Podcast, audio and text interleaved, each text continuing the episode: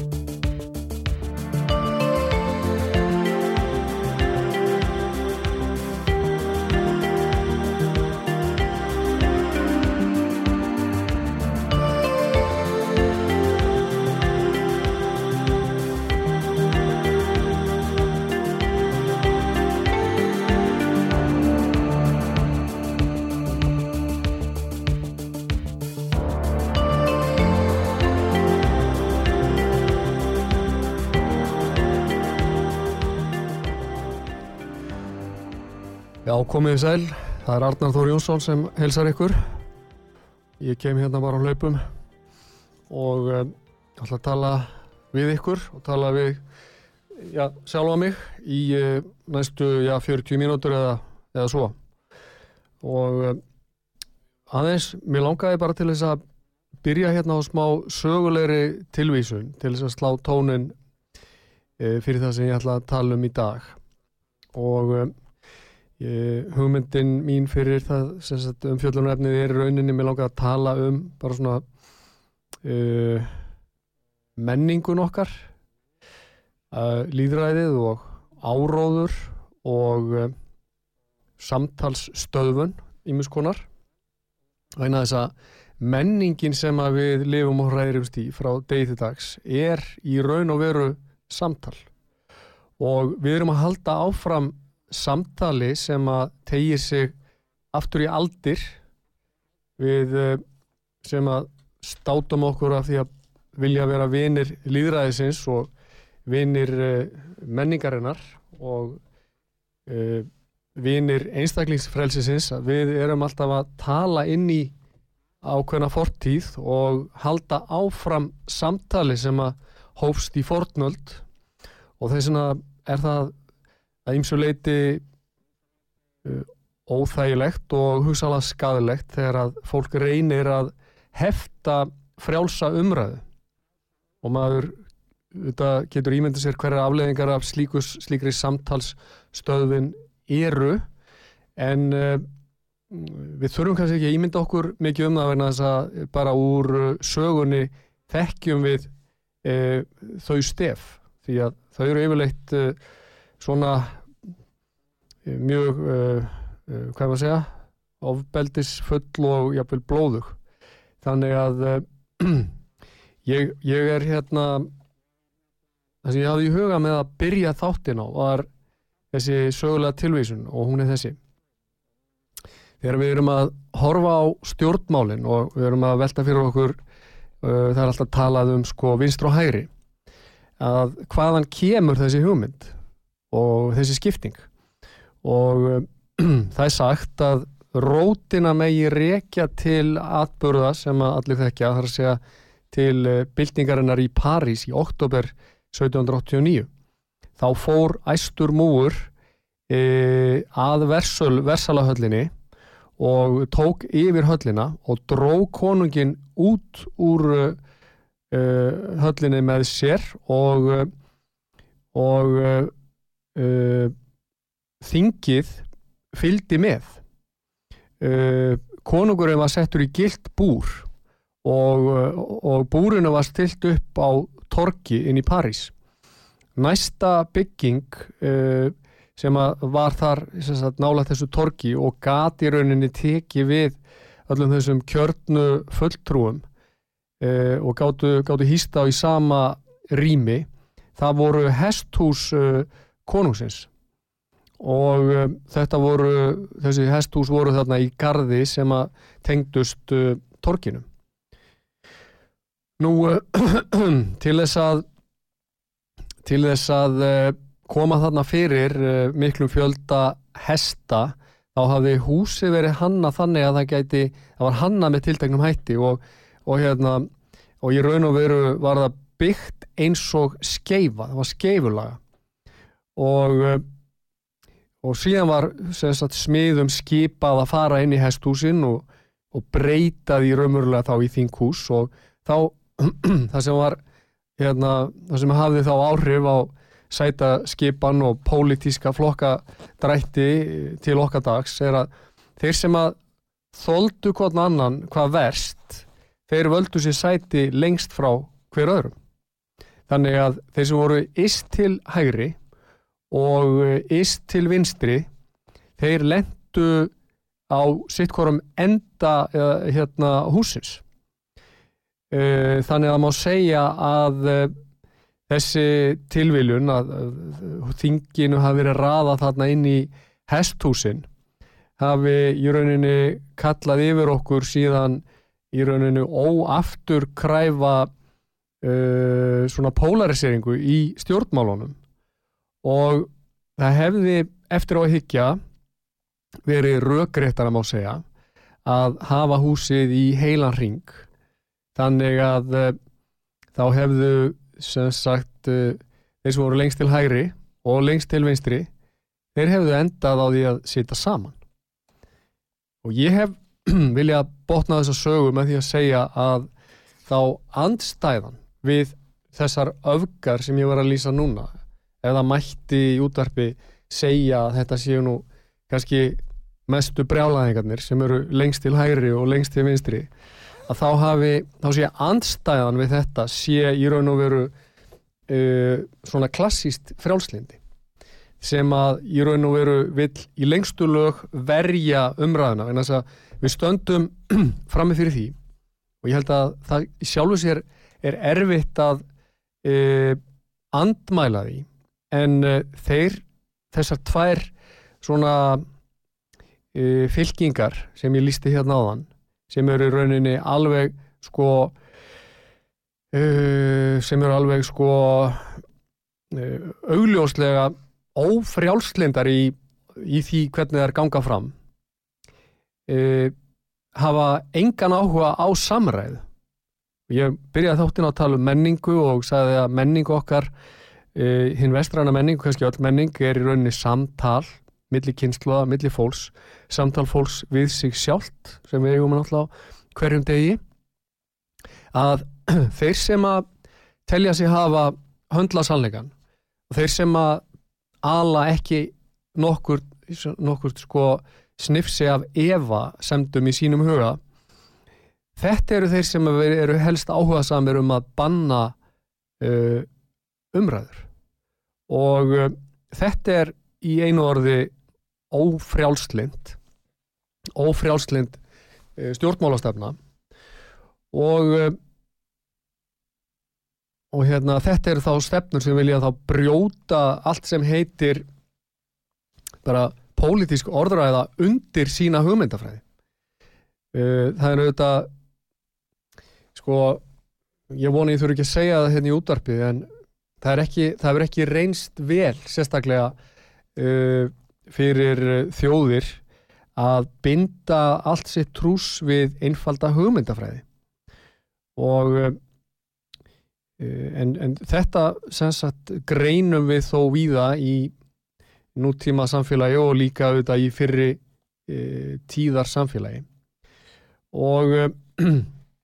ágættu maður sagði sko orða þetta á þá leið að sko, svona hugmyndafræði hún væri uh, uh, hún væri líkust bókstafstrú og uh, fræðikenningar uh, sagðan eru til leiðbenningar en ekki til átrúnaðar. En það sem gerist auðvitað í uh, samfélögum sem að uh, verða einhvers konar kreddum og bókstafstrú og hugmyndafræði að bráð það sem gerist auðvitað er það að uh, líðræðisleg frjálsumræða hún er bönnuð.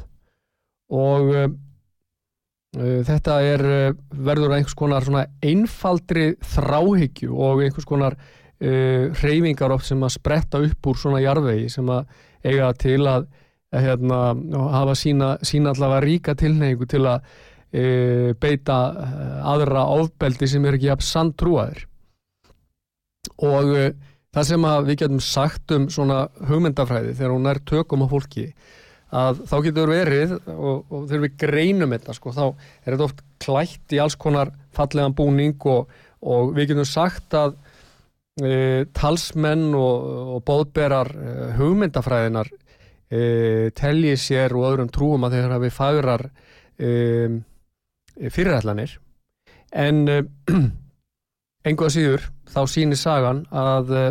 þessar fallu, fallegu fyrirætlanir enda oft í fangabúðum og, uh, og uh, fjöldamorðum. Þannig að ótrúlegustu grimdarverk í rauninu veru hafi verið framinn í undir fána góðmennsku og,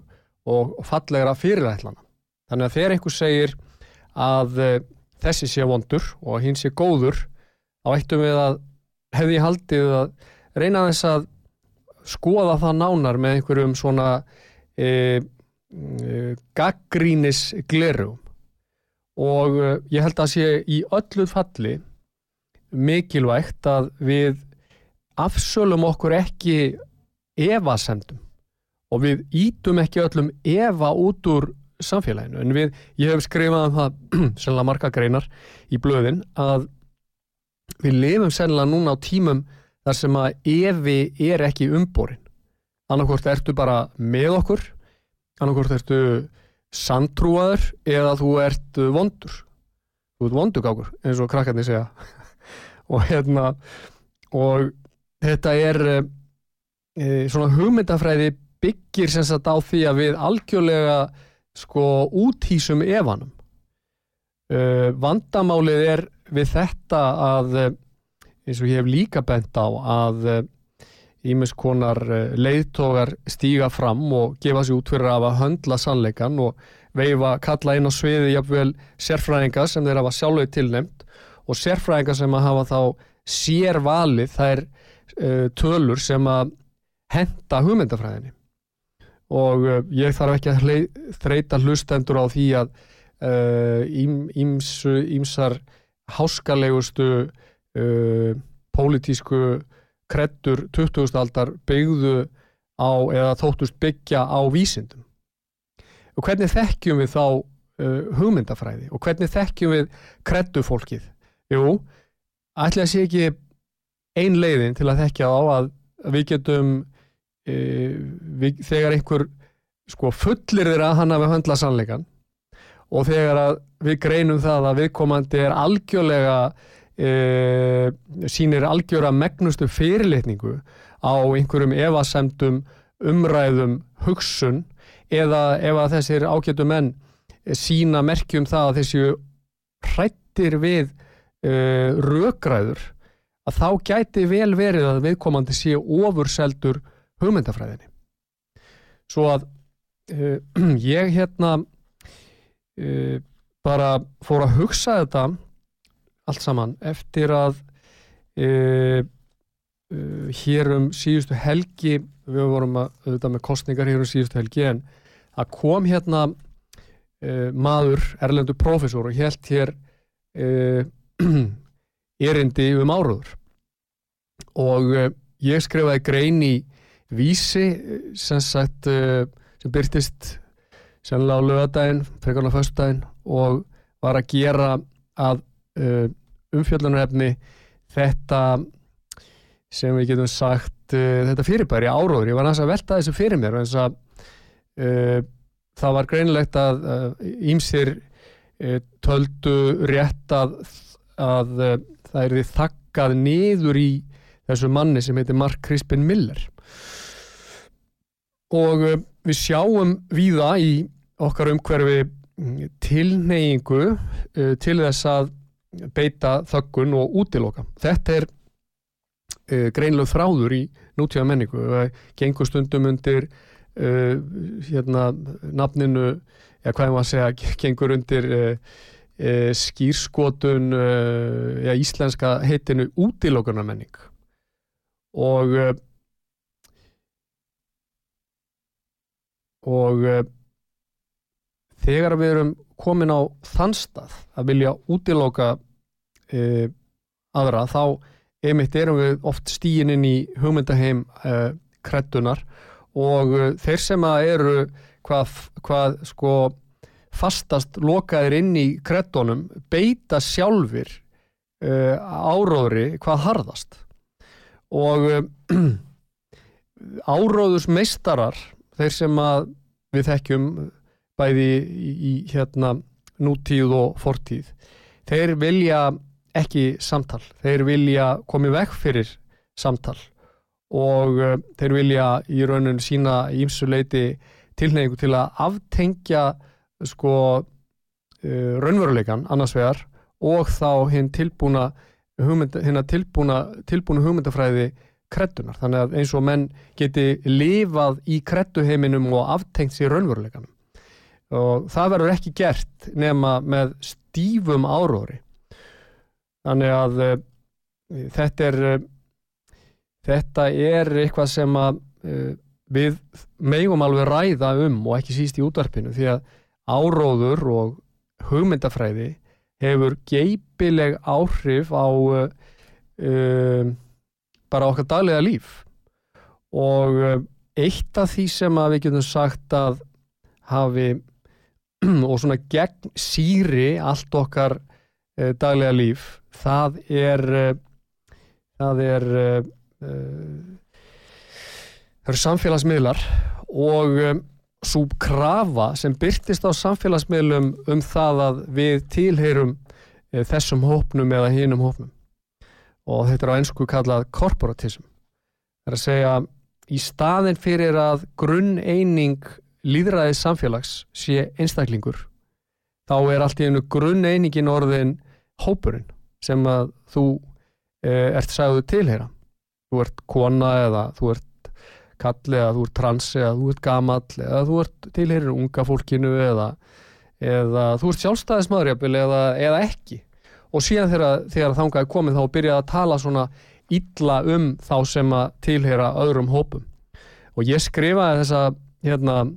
grein í, í uh, vísi um helgina daldi með þetta í huga. Þar sem að ég segi að uh, það er svo uh, því að ég er nú hérna tilheri nú eða hef skipað mér í flokk með sjálfstæðismönnum og tala hér á þessari útarstöð þar sem að alls konar fólk reyndar tjáu sig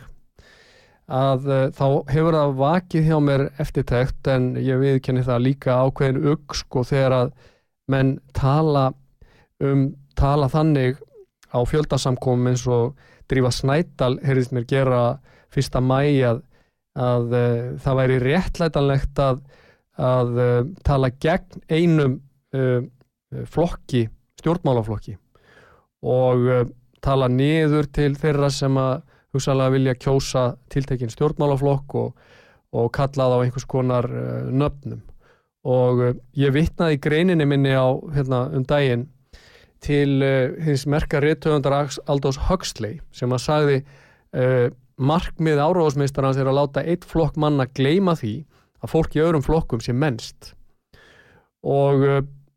Aldós Huxley skrifaði þessa frægu bók Brave New World sem á íslensku íslensku þýðingu heitir Veröld ný og góð.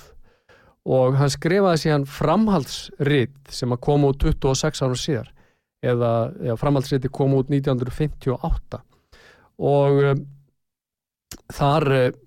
er hann ekki sérlega bjarsýtn á framtíð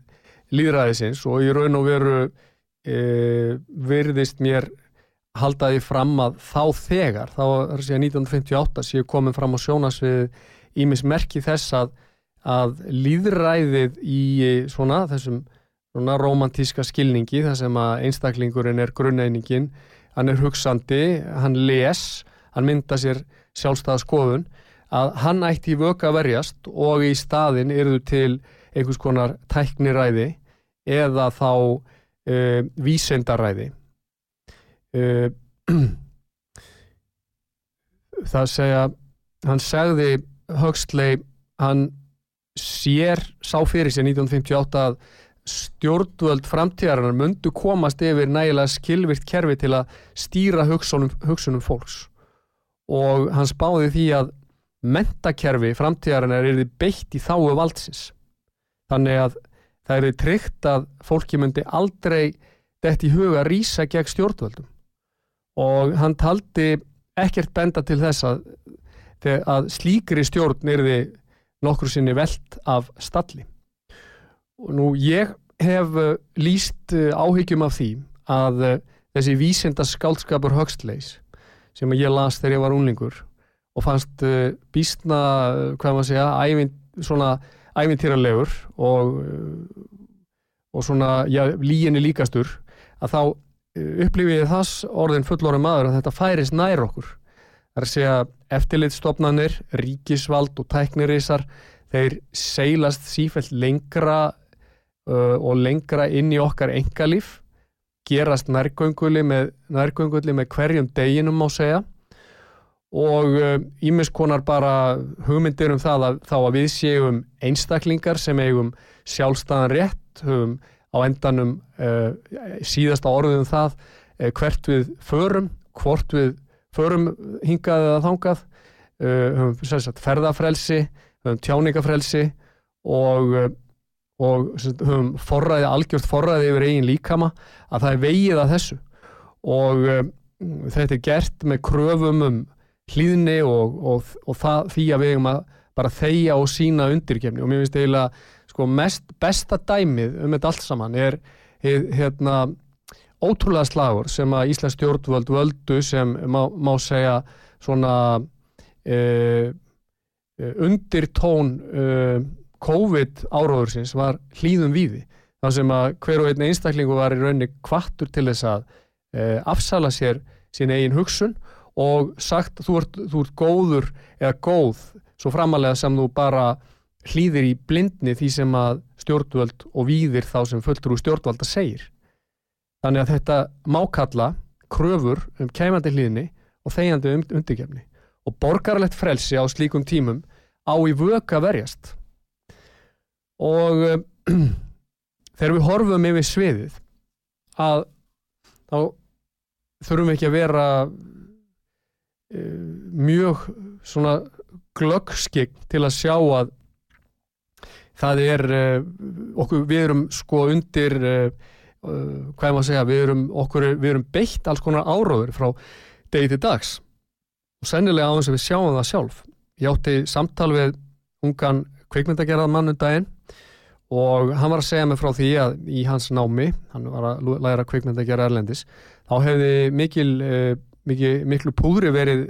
varið í það að segja nefndunum frá því uh, hvernig mætti í raunin hafa áhrif á tilfinningar á horfendana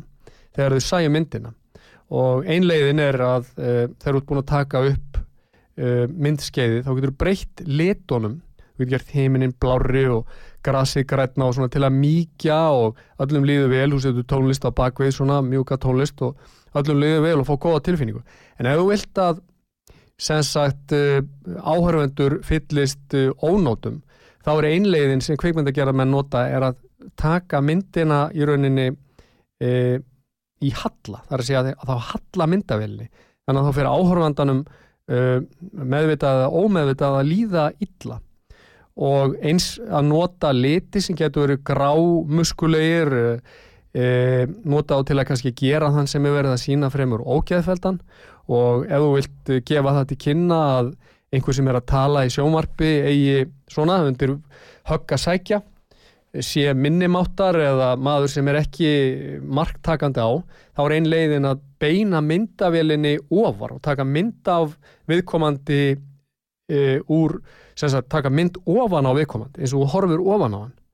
Þannig að ég spurði hennan unga mann sem var mjög gaman að tala við og er góður drengur, það er enginn vaf á því, ég spurði hann að því, var rætt við ykkur eitthvað í náminu um svona, það sem við getum kallað svona siðferðilega áleitaefni sem þessu tengjast og hann spurði hvað áttu við og ég spurði hvað ef að ef að þú fengir símtala morgun og það var einhver mjög háskalegur maður sem að bæði þig að starfa fyrir sig í þáu segjum bara e, háskalega hagsmuna einhverja hagsmuna sem vera hættulegir samfélaginu eða hættulegir tilteknum hópum samfélagsins. Myndur þú vinna, taka þér þetta verkefni? Hann hafði ekki veltið fyrir sér. Og ég spur, þú veist, ég velti, velti þessu fyrir mér út af því að ég, þegar ég var að kenna lögfræði þá spurði ég oft nefnendum mína ef að þegar þú ert útskruðað þessu lögfræðing og einhver ringir í því og segist vilja gera fyrirvændi konu sína basmóður eða, eða e, aðra sem að honum viðkomandi er í nöp við gera á gjaldtróta, svifta fólk arfi, e, reka fólk úr vinnu fyrir smávegilegar yfirsjónir, reka þungaðar konur úr vinnu, myndur þú taka að þér með að beita lagaklækjum til þess að, að e, ná þessu fram? Og það er svona eitt siðferðilegt álitefni sem að í raun og veru mikilvægt er að fara yfir þegar að fólk er í háskólanámi myndi ég halda. E, vegna þess að e, háskólanám því miður í dag er orðið e, að meir og minna einhvers konar tækninám. Og e, fólk er að læra e, í raun og veru ákveðin handtök, ákveðina tækni e, og ákveðina aðferðir til að geta gengið inn í tiltegna stjett og farið að fá uh, laun sem sérfræðingar. En það gleymist til ég í allt of miklu mæli þegar verið er að kenna þessi fínu fög í háskólanum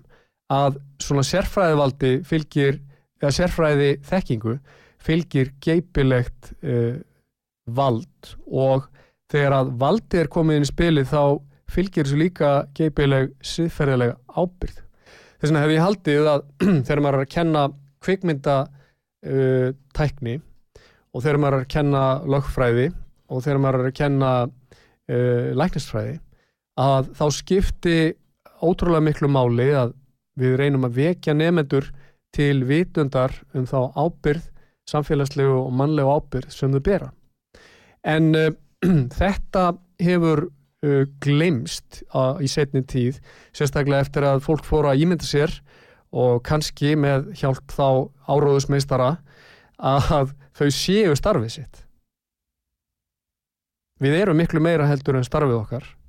og ef við trúum raunverulega á eitthvað sem við getum kallað líðræðislegt eh, þjóðfélag og líðræðislega stjórnskipun þá er það skildu að okkar að eh, mynda okkur sjálfstæðaskoðun en láta ekki aðstu presta kennivaldsins og, og flokkana og fyrirtækjana segja okkur hvað við litla fólkið eigum að halda og hvað við litla fólkið eigum að segja. Grunneiningin í líðræðinu er einstaklingurinn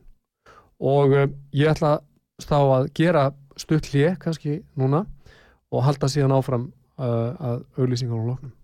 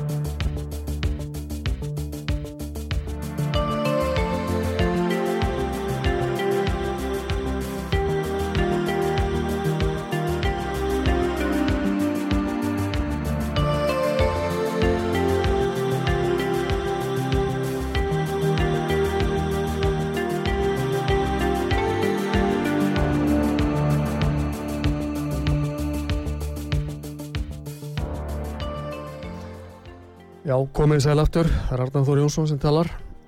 Ég var uh, núna fyrir hlið að tala um uh, mikilvæg þess að við sem einstaklingar hugsum og myndum okkur skoðun. Ég er alltaf að segja þetta, ég er ekki vissum að þetta ná í gegn því að aðstu prestar hérna kennivaldsins uh, í, á okkar tímum réttrúnaðarins vilja hafa vit fyrir okkur og vilja segja okkur litla fólkinu hvað við megum hlusta á, hvað við megum segja og jafnvel hérna hafa vit fyrir okkur á öðrum sviðum. En uh, það er okkar skilda að uh, að uh, nýta þá domgreind sem okkur hefur verið gefin og uh, ég hef oft sagt þá sögu, þetta er ekki spurning um einhverja greind eða greindarmælingu, ég vil undirstryka það ég til og hef sagt það oft áður að fólk sem að sko la, la, mælist með lága greind á einhverjum prófum og uh, jafnvel uh, býr við einhvers konar þroskahömlun hefur á stundum skýrari domgreind heldur um margur annar. Og ég hef oft sagt þessa sögu af ömmuminni sem að var að skamma hinn góða Braga í, hérna, Bragi Höpp sem að bjó í Vestmannu fyrir það hann að hend út það sem Bragi held að vera í rusl en Amma saði að hef, þetta var póki sem innihjalt mikil verðmæti og þegar hún var búin að skamma Braga þá saði hann við hana en Theodora við getum verið vinir fyrir það og þá saði Amma, já áttaði maður því að hann var kennari minn þannig að Bragi hafi skýra domgreind og og við getum öll haft svo margt fram að færa. Vi, við hljótum að geta verið sammálum það að við sem hefur umgengist börn og gamalt fólk og, og, hérna, og allt þar á milli við hittum víða kennarana, ekki satt? Og og hérna og það er ofbóðslegur rókið í fólkin að segja þessi maður uh, ég vil ekki hlusta á hann eða þessi maður getur ekki kent með neitt. Þannig að við erum uh, bara auðmjúk og það er kannski uh, hugtak sem að heyrist ekki nú oft nú á tíðum að þá hljótu við að geta viðkjönd það að við vitum ekki allt og jafnvel krettan sem ég var að tala um áðan sem við höfum betið í okkur uh, svarar ekki öllu. Ef við höldum að krettan eigi að uh, svara öllum hlutum þá endum við á von, mjög vondum stað eins og ég saði líka á hann. Við endum í reytskoðun og mögulega í því að þurfa að fara að fangelsa eh, hérna, anstæðing okkar. Þannig að eh, við þurfum að, eins og ég saði í greininu minna á lögadagin, við þurfum að geta eh, nýtt okkar eigin dómgreind. Það er skilt okkar að reyna að greina rétt frá röngu og við þurfum að geta séð það sem er satt, ekki bara það sem er þægilegt. Það er umhugsunavert hvernig í raun og veru fjölmeilamenn og háskólamenn okkar tíma hafa stokkið frá borði, hafa í rauninni yfirgefið e, sannleikskildur sínar og tekið upp það hlutverk að bóða bara það og sjá það sem er þægilegt. Í rauninni mætti líka þessu við það að menn hafi kosið að stökka á vinsaldavagnin af því að þeir þóra ekki að vera eh, sannleiksleitandi. Hversu margir háskólamenn á Íslandi hafa sem að þér dettur í hug, góði, góði hlustandi, e, eru, hvað maður að segja, fólk sem að e, e, svona hristir upp í hlutunum. Fólk sem að segir óþægilega hluti, kannski segir stundum klikkaða hluti. Dettur okkur, eh, dettur okkur margir í hug eða erum við á þeim stað að háskólanir sem við erum að borga þá fyrir það að geta dvalið í frjálsri hugsun og geta ræktað uh, það sem er svo dýrmætt, það er að við skiptumst á hugsunum með orðum. Getur verið að, að háskólanir séu raunverulega sko búnir að uh, ofur selja sig uh, einhvers konar vinsælda dekstri og út af því að við erum þá orðin að starfin okkar og háskólamennir eru orðnir uppteknir af því að það er alltaf að vera profesorar að þau eru viljið þá ekki verða óvinnsælir í, í kerfinu og viljið tryggja þeir, þeir eigi framgang innan kerfisins fremur en að leita uh, að því sem er satt og rétt. Það er svo stutt í rókan ef við, þið munið eftir þessari frægu dæmisögu. uh, um mennina sem sátu allt í kringum blindumennina sem sátu allt í kringum fílin og er að reyna að lýsa honum. Og þetta er dæmisa sem, sem á rót sína uh, í austurleinskri heimsbyggi og hver og einn vera lýsir því sem hann finnur með höndunum. Eh, eitt segir uh, sannleikurinn er uh, er uh, mjög kaldur og harður og beittur og er þá að vísa í fílabeinið. En uh, einhver segir ég nei, sannleikurinn sem ég finn hann er bara breyður og hrjúfur og, og hérna og, og hlýr og er þá að vísa í fótin á fótleikin á fílnum eða, eða hérna þriði geti sagt að sannleikurinn er bara eins og veggur. Og er að vísa þá í, í því sem hann finnur á, á kvið og baki fílsins og þeir sem að viðurkenna þá ekki að raunveruleikin á sér fleirin eina hlið þeir geta lendi í, í hérna því sem við getum kallað svona einhvers konar fanatí, fanatík og uh, farið að einbetta sér að því að berja þá niður sem að ekki eru á samu blaðsíðu og, og þeir sjálfur þannig að hér, eru, hér er að ímsu að huga og, og viðfánsefnið er og eins og þessi ágeta útvarstöður sínist mér og heyrist verið að reyna að gera að verja umræðuna eins og hægt er. Og mér sínist því miður að uh, þessi útvarstöðu sé mögulega eina útvarstöðin það sem einhver alveg umræða á sér stað. Nú sitt ég að vísu hér og, bara bladra hér upp úr sjálfum mér uh, en uh, ég, er að, ég, ég er ekki að bóða einhvern sannleika hérna held ég. Ég er bara að hvetja í raun og veru þá sem hlusta til þess að að uh, standa vörðum sko leikvöllin og ég lístust þannig við ágæta félagaminnum daginn að þetta er eins og bara að fótbollamenn getur verið sammálum það að við viljum verja sko og marka línuna skýrt í fótbolltavöllin til þess að við getum síðan komið saman inn á vellinum og spila góðan fótbollta ekki satt? Þetta snýst um að verja leikreglurnar og, og leikvangin sem að uh, líðræðinu er í rauninni ætlaður. En eins og leið og við byrjum að uh, eigða línunum, um leið og við byrjum að draga línunnar öðruvísi heldur en þeim var í rauninni ætlað að liggja, þá erum við ekki lengur að fást við sömu íþrótt og það má alveg líta á líðræðið sem íþrótt. Og þeir sem eru þá þáttækandur og koma inn á völlin og reyna að tjá sig eftir bestu getu að veist, það má alveg púa á þá en það getur ekki verið í anda líðræðisins að banna mönnum að fara inn á sem að vilja spreita sig. Það er þá miklu betra að sjá það að koma inn á og þá kemur þá bara í ljós hvort þeir geta eitthvað, hvort þeir eru einhvers virði sem leikmenn eða hvort að þá betri leikmennum reynist auðvelt að sparka á niður. Þannig að ég hveti ykkur til að taka eftir þessu þegar að þið farið inn á hérna svo kvöldu samfélagsmiðla sem eru í rauninni hafa ekkert með neitt samfélag að gera, þetta er bara gerfið samfélag sem ásýst þaðinni uh, og, og ætti kannski að heita samskiptamiðl en er samt kannski nærði að vera gerfið samskiptamiðl því að það er allir í einhverju leikriti þarna yfirleitt að reyna að þykjast vera eitthvað flottari og klárari og sætari en þeir eru. Þannig að á gerfi samfélagsmiðlunum og gerfi samskiptamiðlunum þá eru þessir hérna, lukkurittarar sko eh, krettunar víða, þá er víða að finna hana sem að vilja standa í vegi fyrir því að menn fá að koma inn á og láta rött sína heyrast. Eh, ég eh,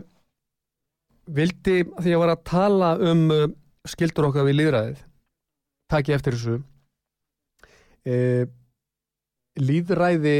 er grísk, sko komið af grísku orðu sem er demos. Demos þýðir þá uh, líðurinn en líðurinn getur ekki hugsað. Líðurinn sem slíkur hópurinn, hann hugsað ekki. Hver er það sem getur hugsað? Hver, hvernig, ættir, hvernig hefur, hefur líðurinn eitthvað, eitthvað möguleika á því, er hann með heila? Nei, hver er það sem getur hugsað? Það er þú. Þú sem einstaklingur. Ekki láta hérna uh, líðskrumarana og bestservisarana uh, betur vitana og sjálfvitana. Svifta þig möguleikanum á því. Það er bara þú sem getur hugsað og, og fólk hvert og eitt eitt í einu. Og uh, þetta er dýrmætið, hugsaðu ykkur hvað þetta er merkilegt. Dýrmætið við okkar hérna, menningu. Að það sé breytt og það sé tókstreita ég hérna var að glukka í bók eftir mann sem er mjög óvinnsall í hjá þeim sem eru líkt hrifnir af líðræðislegri frjálsrei umræðu. E, bók sem að mér áskotnaði núna fyrir nokkru vikum og hún heitir Út fyrir ramman og er eftir Jordan Peterson. Og e, ég veit ekki hvort að mér tekst að finna þetta hérna, jú hérna er þetta. Sko það sem að ég var að tala um uh, samtalið hvað er mikilvægt. Og ég var að tala um mikilvægið þess að við séum ekki fast í krettu heldur og við leifum sko, við leifum uh, samtal. Og uh, ég til dæmis, því að ég nefndi nú sjálfstæðisflokkin á þann að sjálfstæðisflokkurinn er stopnaður úr tveimu flokkum sem er uh, íhalsflokkurinn og frjálslindiflokkurinn og þetta tvent þó að það mætti stillis upp sjálfsagt sem andstæðum þá er þetta í raunin alveg uh, við getum sagt mögulega grunnurinn að því að sjálfstæðarflokkurinn hefur þó lifað þetta lengi. Það ásist að samtal það er hugmyndafræðileg innbyggð spenna uh, sem að þá í rauninni er getur verið vandamál en getur á sama tíma verið lífgjafi uh, sko lifandi og árangusvíks hugmyndastarfs ef við segjum til dæmis að íhald, sko, íhaldsmaðurinn hann vil verja það sem vel hefur verið gert hann vil læra af því sem að verst hefur verið gert hann vil forðast verstu mistökin og stýra eftir viðmöðum sem hafa sannlega gefist vel í aldanar ás. Og miða leggja til grundvallega gildi sem að kynnslóðunum hefur hafa, kynnslóðunar hafa nýtt sér á meðan e, sá sem er frjálslindur og þá er að tala um sko, í, í klassískum skilningi ekki, ég er ekki að tala um gerfi frjálslindi í nútíma skilningi heldur í klassískum skilningi að sko, sá sem er þannig frjálslindur hann vil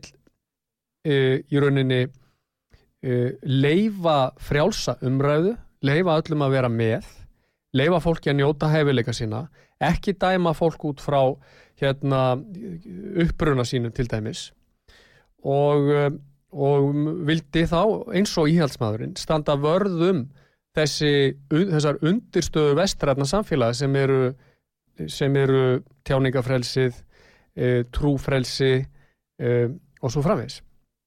Þannig að þetta er ekki, þetta tvent er ekki í nefni andstöðu og ég, ég veit ekki hvort ég má hérna leifa mér að e, sko, sko fara, hvað ég get farið djúft út í þetta en ég er bara að segja þetta bara er svo miklu heilbriðara heldur en e, krettu samfélagin og ég, ok, við tek hérna bara dæmi úr Rústlandi og Kína og þar, því að við séum myndir e, frá hérna, Sovjetregjónum á tímum e, hérna, Bresnevs og Stalins og, og þar, þar sem að eftir ræðunar þá máttu sá sem var, sá, var þetta ekki þannig að sá sem var síð, sá sem var fyrstur til að hætta að klappa hann gæti lendi í alveg sko, stórkostlega vandra, hann gæti verið e, stjórnvöldum, því þá var hann ekki jafn heitróðar og allir hinnir þannig að það lítur að alveg ofbóðslega leiðinlegt að búa í þannig samfélagi þar sem allir hafa sömu, sömu skoðun. Og ofbóðslega fyrirsjávalegt og í rauninni bara niður drepandi e, í þessu tilliti og, og þess að það er svona frábært að rekast á þetta hérna í nýri bók Jordan Peterson að ég hef oft talað um það og oft velt kem aftur og aftur að þessu að uh, ég er alltaf að reyna að rína í samtal uh, Krist við farisíðan og þess að farisíðanir voru rauninni góði menn, þeir vildir voru guðrættir og vafalaust og vildu vel og vafalaust margir hverjir lifað afskaplega svona svo góðu lífi, syndlausu lífi. En vandamáli var við þetta að þeir voru svo einstrengisleir og þeir neyðust til bókstafshyggju. Og um, þeir vildu þá uh, sko yfirfæra krettuna yfir á því daglega líf sem að leti til alls konar áreikstra og um, þá er það þetta er þessi, þessi tókstreita sko, við viljum fylgja reglunum en við áttum okkur á því ef við erum nægilega bara hvað er að segja, við höfum öðlast nægilega reynslu eða skilning eða við erum nægilega bara praktísk í okkar nálgun að reglur uh, eru, þær geta ekki verið ósveigjanlegar. Þær, þær verða, ef við ætlum að vera fylgja reglum eins og trúarsetningum og kreddum, að þá sem sagt uh, getum við uh, lendi í því að þurfum að fara í nafni uh, sko trúar eða kreddu að fara að beita ofbeldi eins og ég sagði á hann. Þannig að það sem er svo merkilegt er að, sagt, að Kristur kom inn með þennan nýja vinkil sem er sko miskunin og þeir er að ræða við fara síðan og þeir eru að býða eftir tækifæri til þess að fellan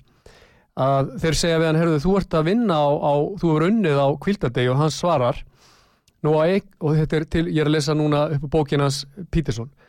er reyndar, þetta er tilvittnum og Mattiðs og Guðspjalli, hann svarar fjárasjón nú að einhver ykkar eina söðkind og hún fellur í grifi á kvildadegi myndi hann ekki taka hana og draga upp úr? Og þeir, þeir, þeim er þá líst í Guðspjallanum og í Lúkasa Guðspjall er sagt frá því að Jésús hafi lækna, lækna mann með vissnaða hönd á kvildadegi og þeir ásökuðan farisiðarnir fyrir að brjóta reglurnar og vera þá óguðlögur og vera trúvillingur eða eitthvað slíkt. Og Jésús spurði e, þetta er í Lúkasa Guðspjalli ég spyr ykkur hvort er heldur leifilegt að gera gott eða gera ílt á kvildadegi bjarga lífi eða granda því? Og farisiðarnir rettust því að hann skildi sífelt stilla tvennskonar siðferðilegri afstöðu hlið við hlið. Þeim þótti að sálfræðilega og hugmyndafræðilega erfitt, annars vegar skildunni til að halda kvildadaginn heilegan en hins vegar skildunni til að láta gott af sér leiða. Og það var hluti þeirrar atbörurásar sem leti að lokum til handtök og krossveitinga Krists. Og svo heldur Pítursson hérna áfram. Þessar sögur lýsa tilvestakreppunni sem einkjent hefur líf mannkynsins frá upphæfi vega. Nauðsynlegt er að laga sig að samfélaginu, vera agaður eða öguð og fylgja reglum, gera auðmjúglega það sam og aðrir. En svo segir, en samtímis er nauðsynlegt að nota domgrein sína, sín og sannleikan sem stýri samviskunni til að segja hvað er rétt þegar reglurnar mæla fyrir um annað.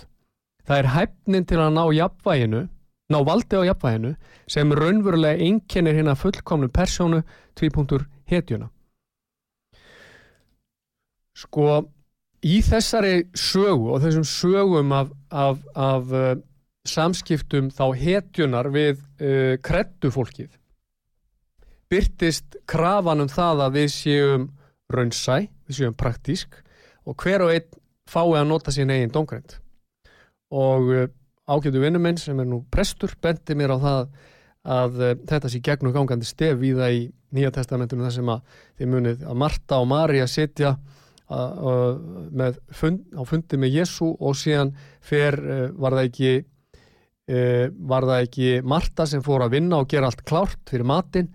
en Marja satt áfram og var svo að gaggrina og, og Marta fór að gaggrina og þá segir Jésús eitthvað á þá leið Marta, Marta þú mæðist í mörgu en Marja hefur valið þið góða hlutskipti, þetta er orðað eitthvað eins svona.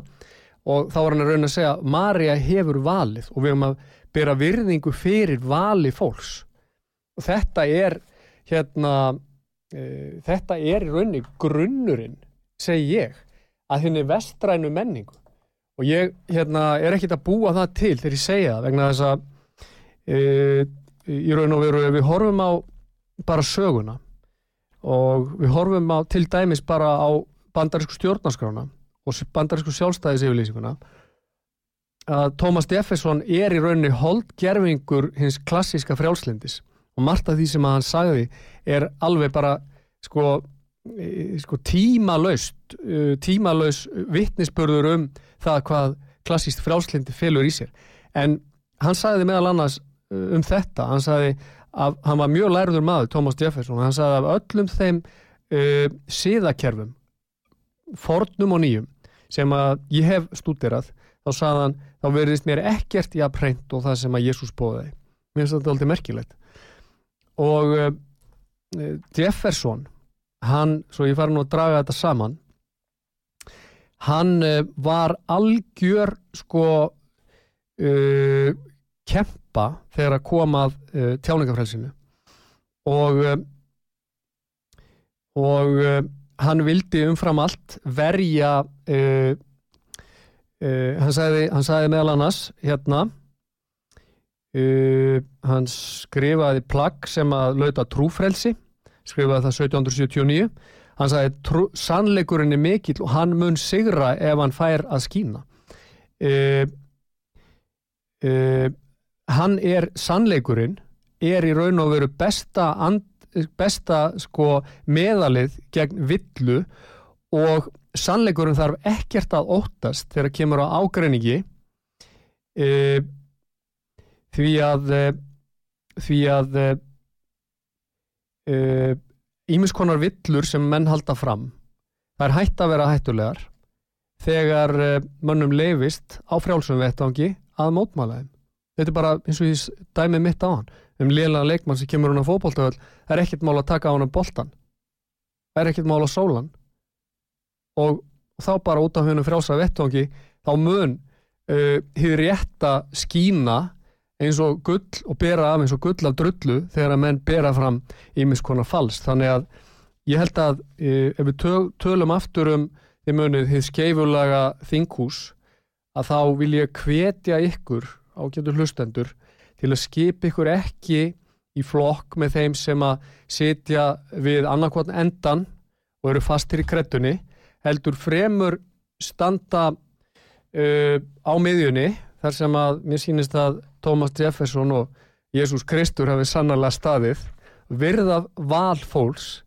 uh, trúa því að sannleikurum minni skýni gegn og uh, standa vörð um hérna líðræðislegu Uh, umgjörð sem að ver best réttindi samborgar okkar og okkur sjálfra. Þannig að með þessum orðum þá ætlum ég að ljúka þessu eintali mínu. Ég bara óska ykkur uh, alls hérna friðar og uh, að þið njóti þessa fallega dags sem að nú er hér úti og takk fyrir mig.